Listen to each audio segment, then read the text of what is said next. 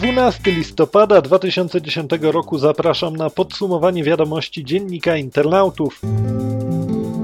Komisja Rynku Wewnętrznego i Ochrony Konsumentów Parlamentu Europejskiego przyjęła w poniedziałek raport o szkodliwości nowych form reklamy w internecie. Dotyczy on m.in. reklamy kontekstowej, czyli uzależnionej od tego, co w danej chwili robi internauta. Zdaniem europosłów może być ona zagrożeniem dla prywatności. W raporcie wezwano także Komisję Europejską oraz państwa członkowskie do zapewnienia, by różne poziomy informacji o konsumentach przechowywane były w osobnych bazach.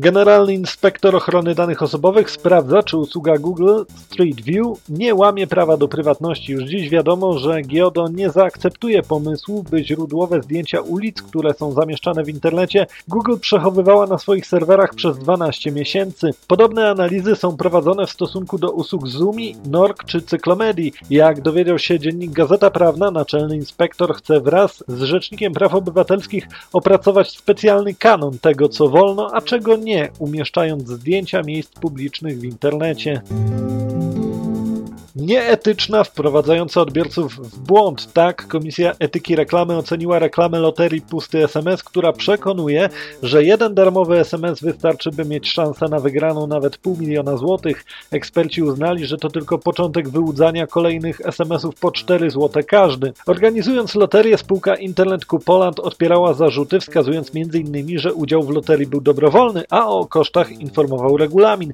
Komisja Etyki Reklamy podkreśla jednak, że reklama nie powinna powinna wykorzystywać braku wiedzy konsumentów.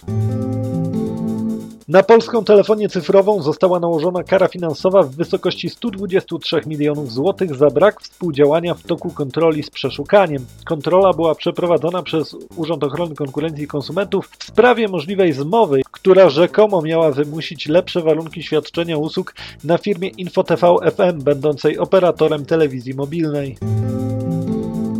GPS-y, czujniki elektroniczne w urządzeniach do posypywania dróg solą, a na pługach kamery. Takie wymagania mają w tym roku lokalne zarządy w stosunku do firm odśnieżających drogi. Przykładowo Łódź, planując akcję Zima, wykorzysta system za 300 tysięcy złotych. Poznań ma podobne rozwiązania od kilku lat. Pytanie tylko, czy to wystarczy, aby drogowców Zima nie zaskoczyła.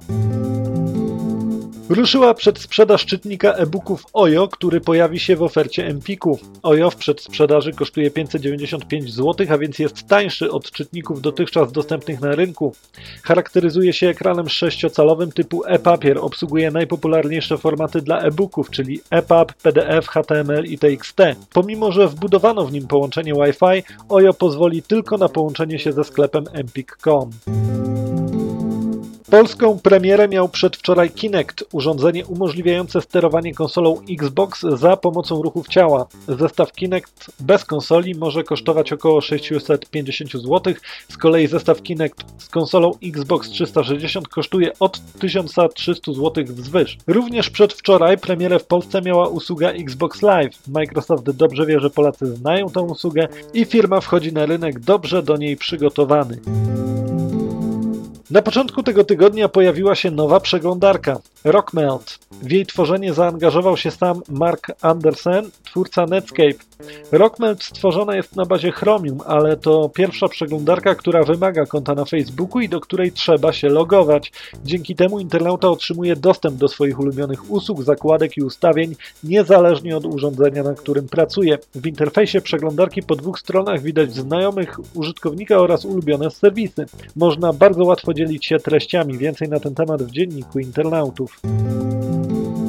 Opera Mobile 10.1 beta jest dostępna za darmo w Android Market. Użytkownicy Opery Mobile mogą korzystać przy słabszym połączeniu z Opery Turbo, która kompresuje dane o maksymalnie 80%, zapewniając większą szybkość otwierania się stron przy jednoczesnym ograniczeniu transferu. Opera Mobile oferuje też wygodne zarządzanie kartami, synchronizację danych i inne funkcje znane z dużej wersji Opery tym tygodniu pojawiła się również kolejna wersja beta Firefoxa 4. Ma wiele nowości związanych z szybkością i wydajnością. Włączono sprzętowo akcelerowaną grafikę do ostatecznego renderowania strony. W systemie Windows akceleracja sprzętu odbywa się przy użyciu technologii DirectX, natomiast w systemie macOS X wykorzystuje się OpenGL. Beta Firefoxa 4 umożliwia też deweloperom renderowanie grafiki trójwymiarowej przy użyciu WebGL. Teraz twórcy aplikacji internetowych mogą tworzyć widowiskowe gry, malownicze grafiki oraz inne bogate wizualnie rozwiązania dla sieci bez korzystania z wtyczek.